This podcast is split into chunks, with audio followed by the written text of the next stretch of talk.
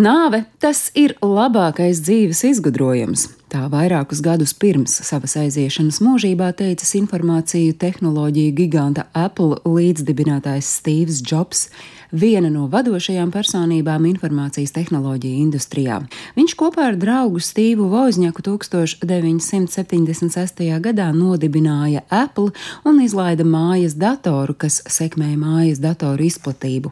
Stīvs Džobs bijis Pixar animācijas studijas izpilddirektors, bet, kad to iegādājās Volta Disneja kompānija, viņš kļuva par tās lielāko akcionāru, bet kā Apple izpilddirektors viņš oficiāli saņēmis vienu dolāru lielu algu gadā.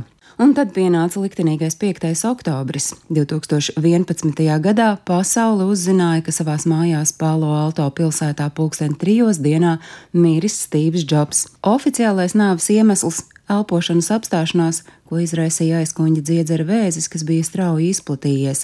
Stīvam Džobsam vēzi konstatēja jau 2003. gadā. Līdz 2011. gadam, 5. oktobrim, kad viņš aizgāja viņa saulē, viņš bija pārcietis vairākas sarežģītas operācijas, kas gan bija devušas cerību uz veselības uzlabošanos.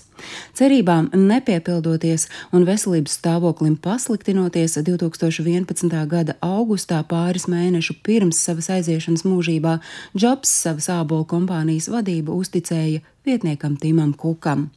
Pasaules Stīvi Džobsu atceras kā Apple radītāju, bet vēl viņa vizuālais tēls gadiem bija nemainīgs, un pat tie, kuri nelieto Apple un nesako līdzi tehnoloģiju pasaules norisēm, atcerēsies, ka Stīvi Džobsu raksturo viņa ikoniskais stils, ko izcēla melnā bītlene.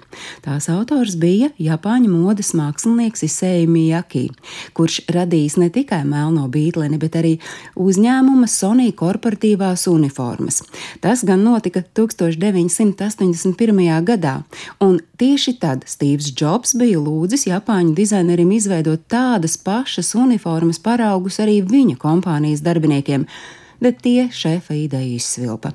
Ja darbinieku uniformas ideja izgāzās, tā vietā Džobs sev pasūtīja melnās bītlenes, adītas džemperus ar augsto apaklīti, ko viņš valkāja gan ikdienā, gan arī tērpās tais brīžos, kad pasaulē prezentēja jaunākos savu uzņēmuma tehnoloģiju brīnumus. Zinātāji teica, ka viņam varētu būt bijis šo apģērba gabalu ap simtu.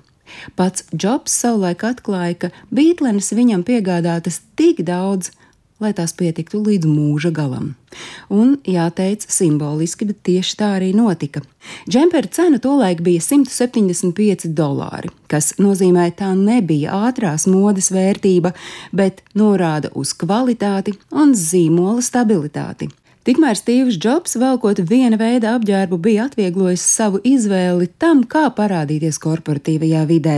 Lieki piebilst, ka pēc Stīva Džobsa nāves melnās bītlenes pārdošanas apjomi strauji pieauga, un tās tirdzniecībā bija pieejamas līdz pat 2017. gadam. Vēlāk, pēc dažiem gadiem, tirdzniecībā nonāca pārveidota šī Japāņu modes mākslinieka Beatlenes versija, kuras cena nu jau bija sasniegusi 270 dolāru atzīmi.